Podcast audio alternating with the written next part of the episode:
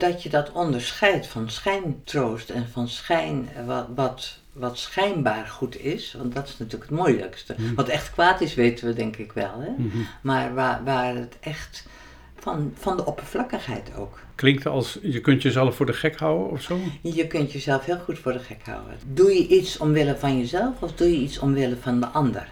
Hoeveel is er niet dat je denkt omwille van de ander eh, te doen en het is omwille van ons kleine ego? Hm. Dus dat te onderscheiden wat echt bij mij hoort en wat ik eigenlijk niet meer moet doen, omdat het eigenlijk mij en de ander dus ook geen goed doet. Eh, dat, dat is nou wel een hele weg om uit te zoeken.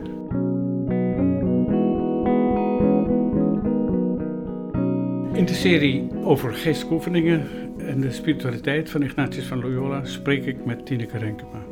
Tineke Renkema is een beetje een begrip als het over geestelijke oefeningen gaat. Maar misschien kun je wat toelichten. Kijk, ik dacht, er wordt nog wel eens gezegd, als je geestelijke oefeningen echt volledig wil doen, Ja. retraite wil doen, Bergijk. Ja. Maar dan moet jij mij zeggen wat dat betekent. Waar, waar staat Bergijk dan voor en jouw rol daarin? Uh, Bergijk is een eh, leefgemeenschap die eh, nu bijna 55 jaar bestaat. En die van oorsprong begonnen is met drie mensen, onder andere een jezuïet. En nooit met de bedoeling om een gemeenschap te stichten, maar om eh, met elkaar liefde te leven, geloof te leven in de dagelijkse dag. Dat was de opzet. En eh, Jan Berger, die je ziet, eh, gaf veel retraites in ordes en congregaties. En van daaruit zijn in eerste instantie veel mensen uit de kloosters en de eh, ordes gekomen. Sloten zich aan Mhm. en al heel gauw jongen geworden.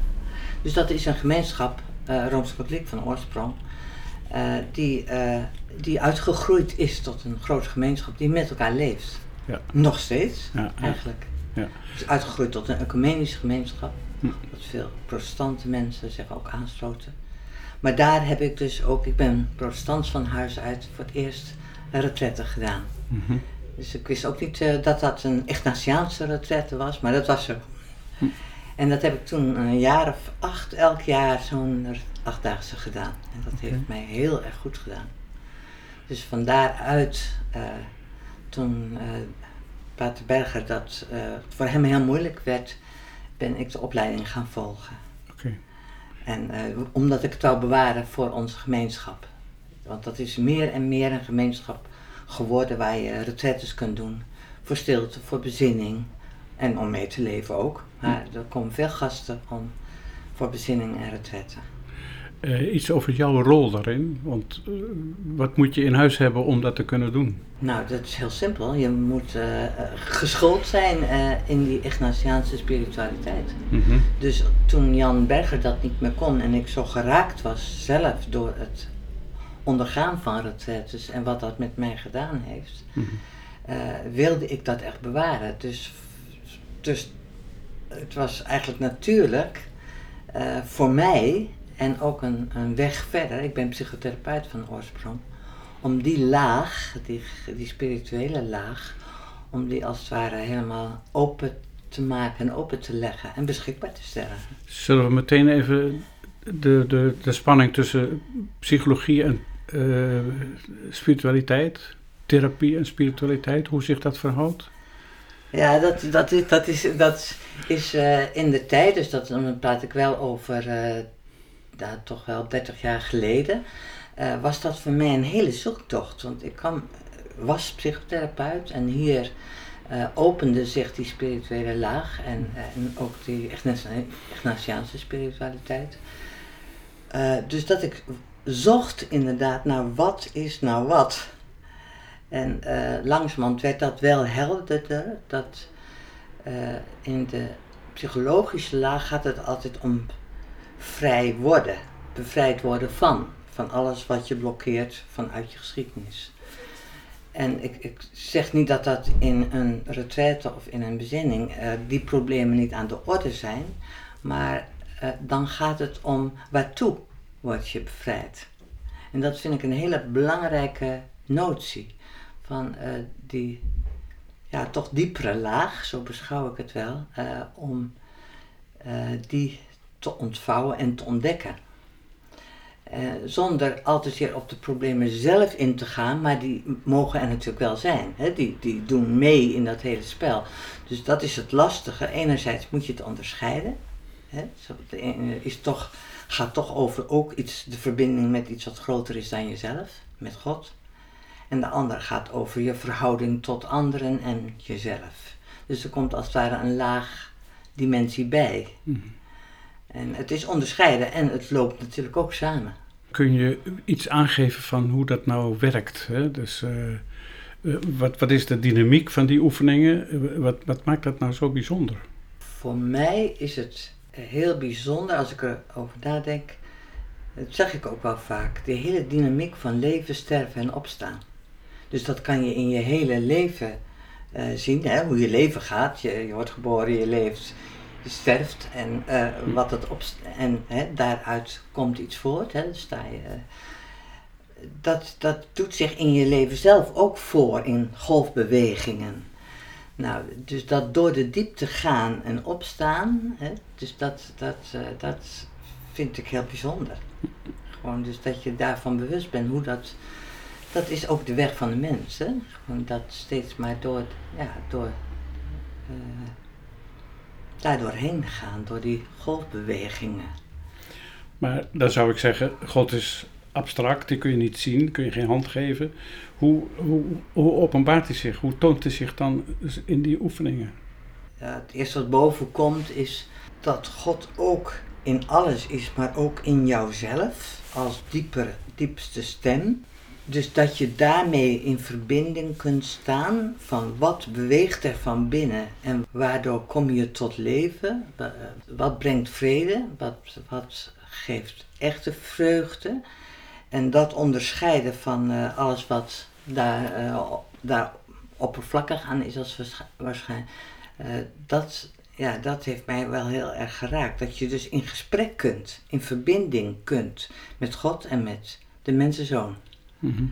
Dus dat die verhalen, de, de, de schriftverhalen, dus grote verhaal noem ik dat, hè, dat, dat je dat in verbinding kunt brengen met jouw eigen kleine verhaaltje.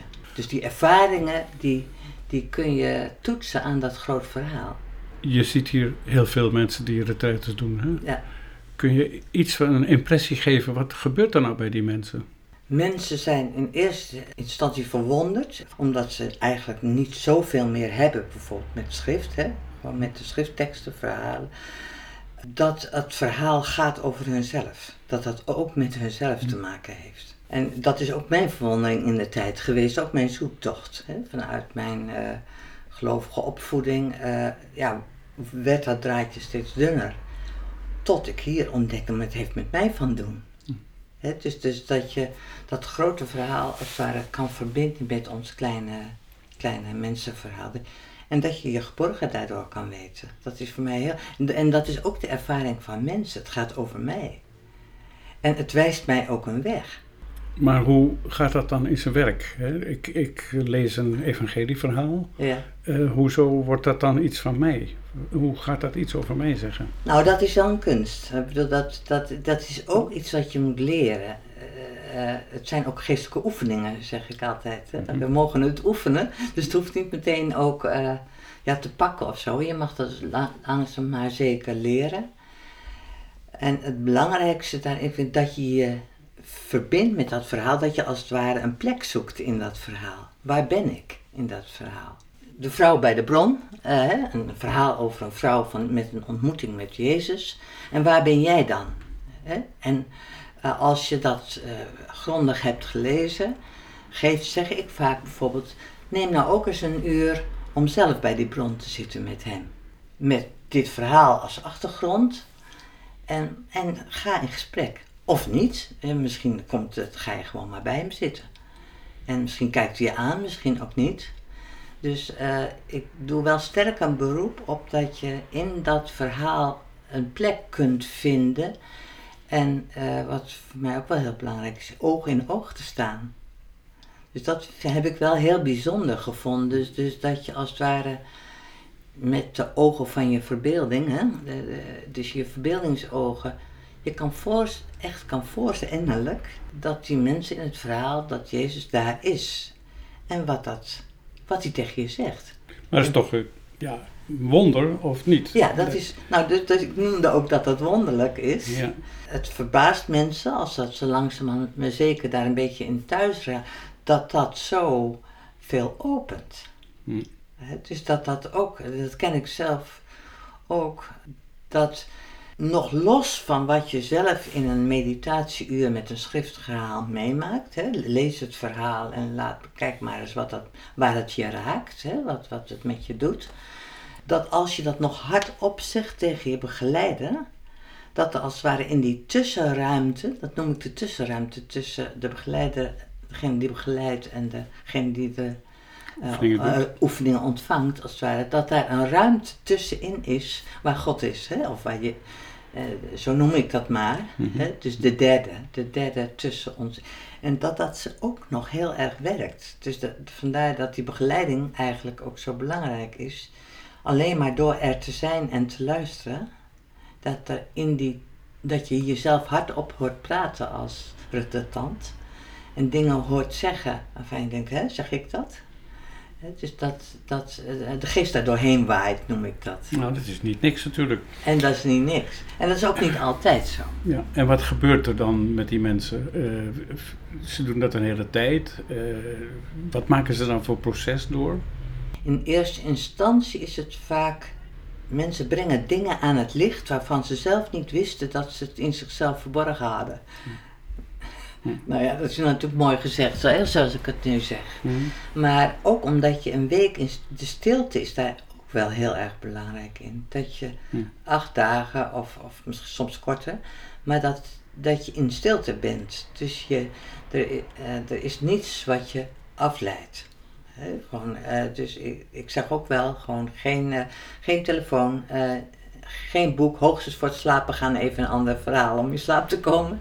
Maar dan liefst nog een geestelijk verhaal. Hè? Maar dan liefst een geestelijk Ja, ja, verhaal. ja. Die, die afgrenzing van eh, waardoor je steeds maar eh, in je normale leven naartoe beweegt en eh, weet ik wat, je, die is er helemaal niet. Dus je hebt alleen maar te maken met jij en wat in jou is. En dat is niet alleen maar goed, dat is ook kwaad. En dat is ook kwaad. En hoe, wat, wat gebeurt er dan en wat voegen dan de oefeningen toe?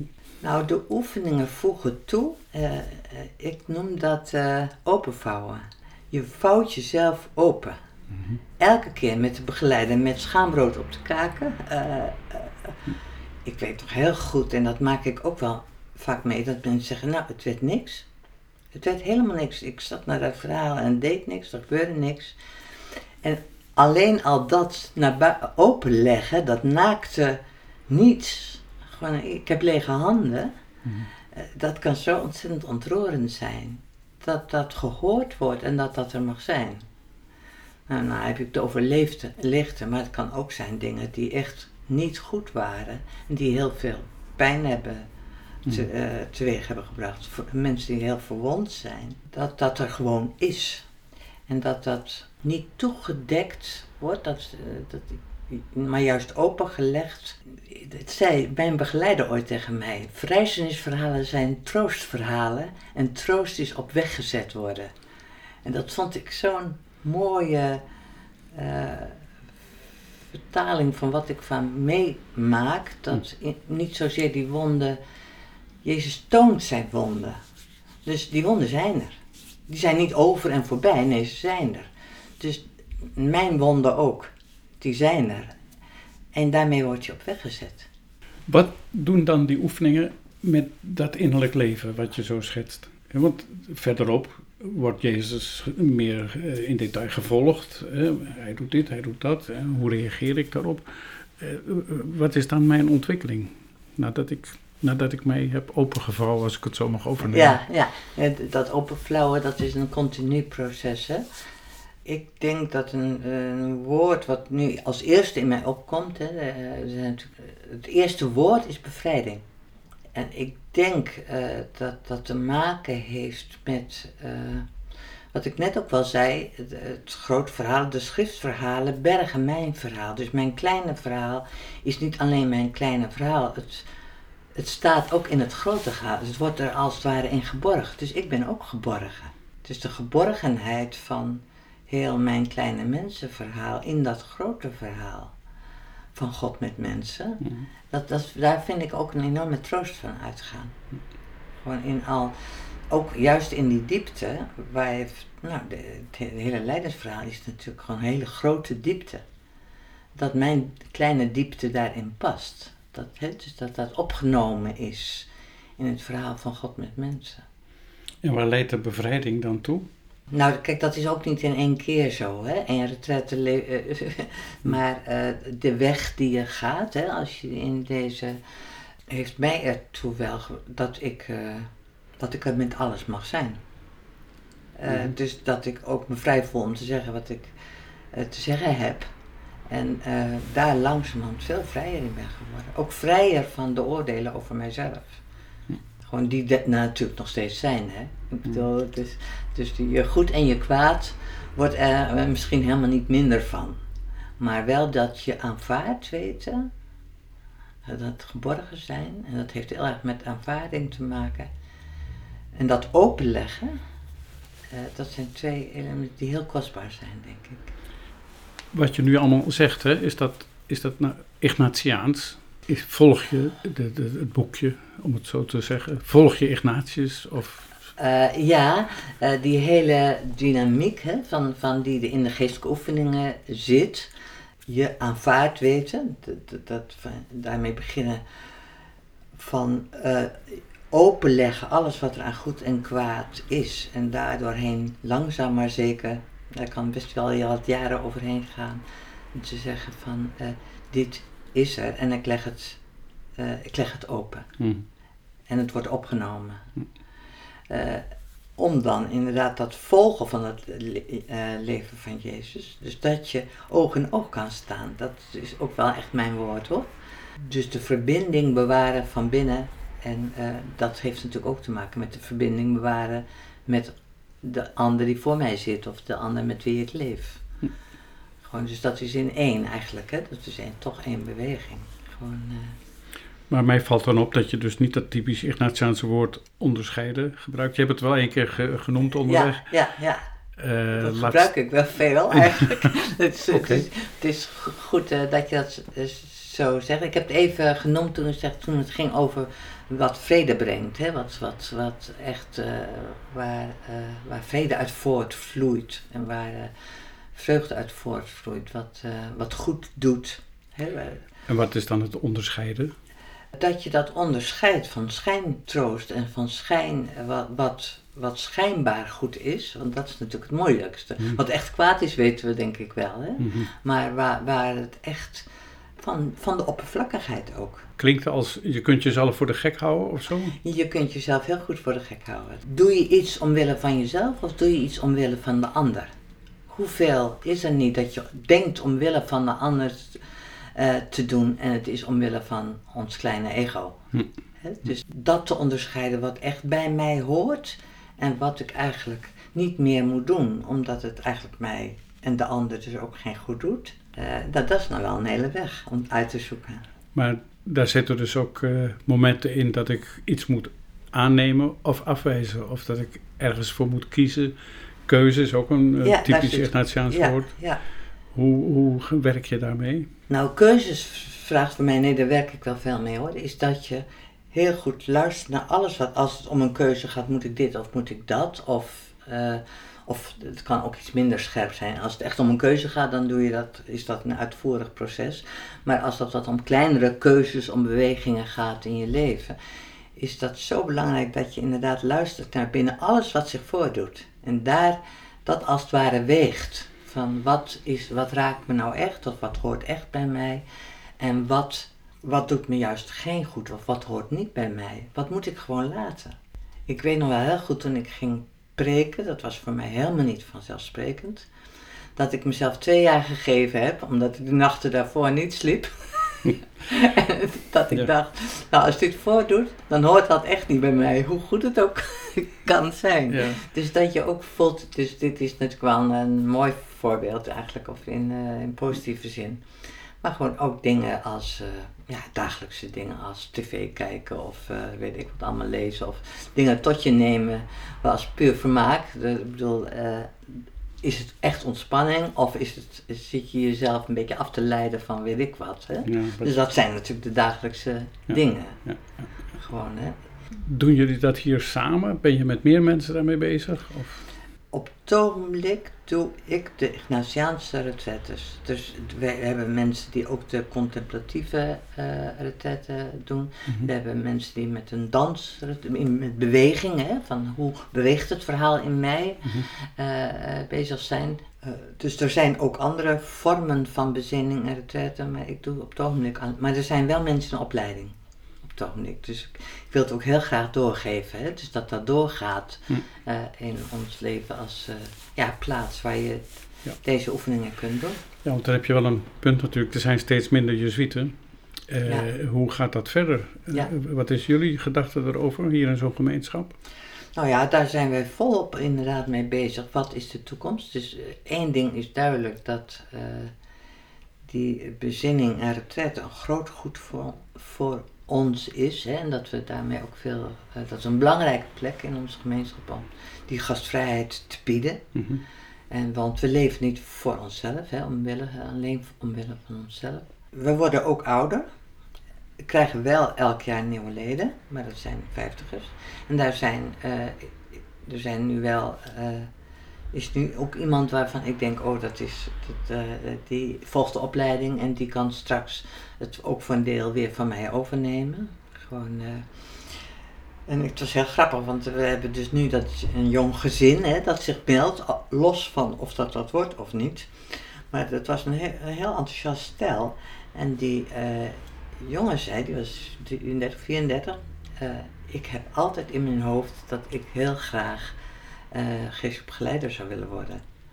En eh, hoe hij daarover praat, hij heeft een paar dagen is hij bij stil geweest, hij heeft niet een hele retraite nog gedaan.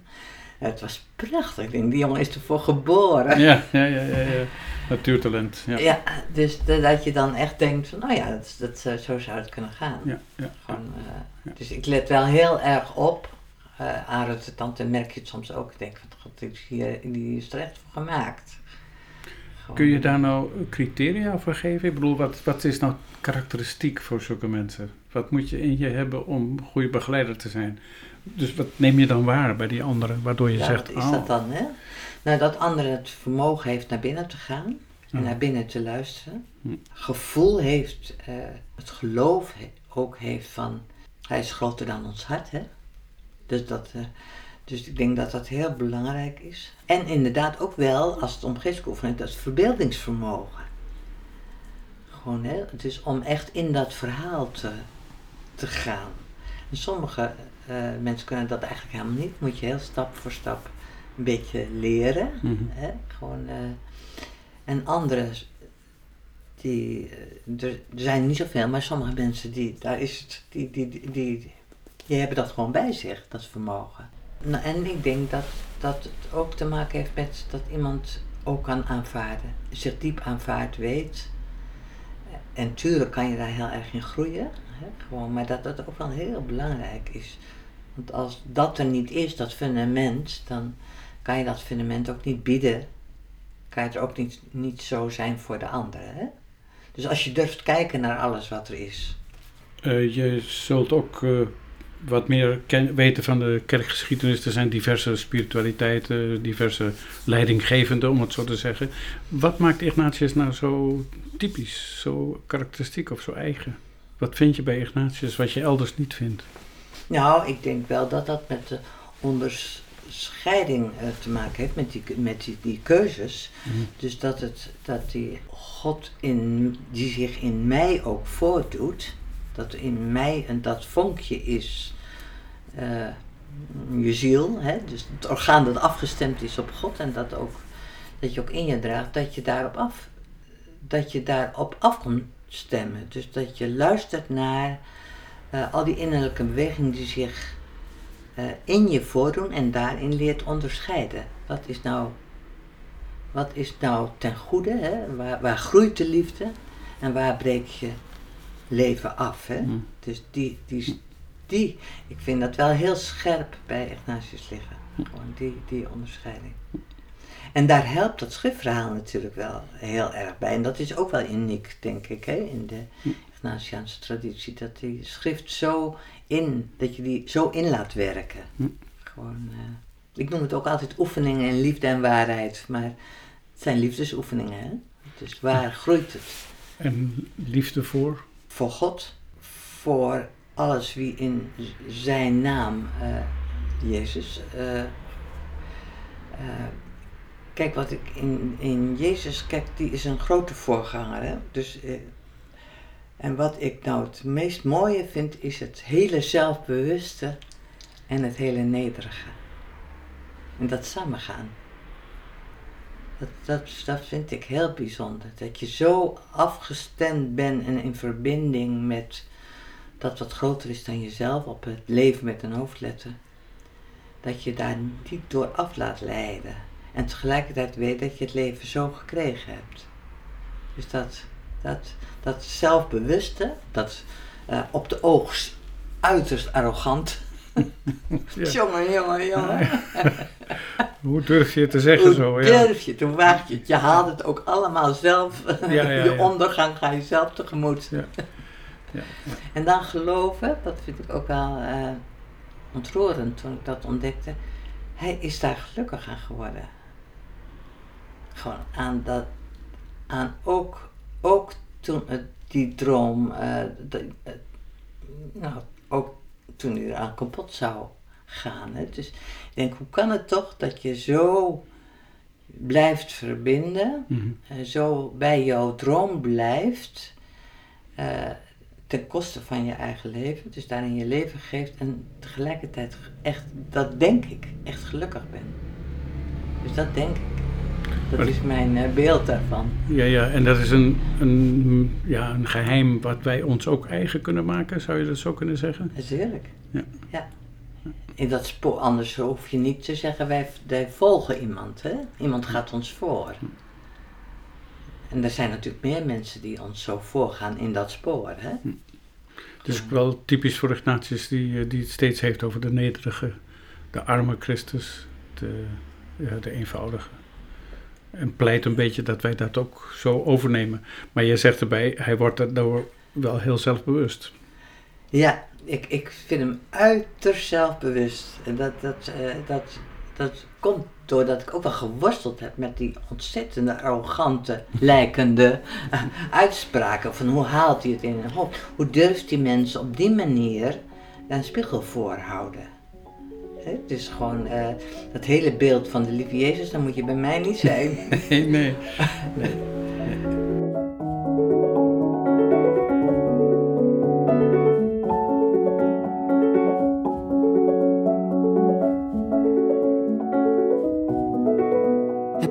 van dit gesprek? Als je via Spotify of SoundCloud naar dit gesprek hebt geluisterd, kun je de aflevering delen via Facebook, Twitter, maar ook in je Instagram-story. Bedankt alvast.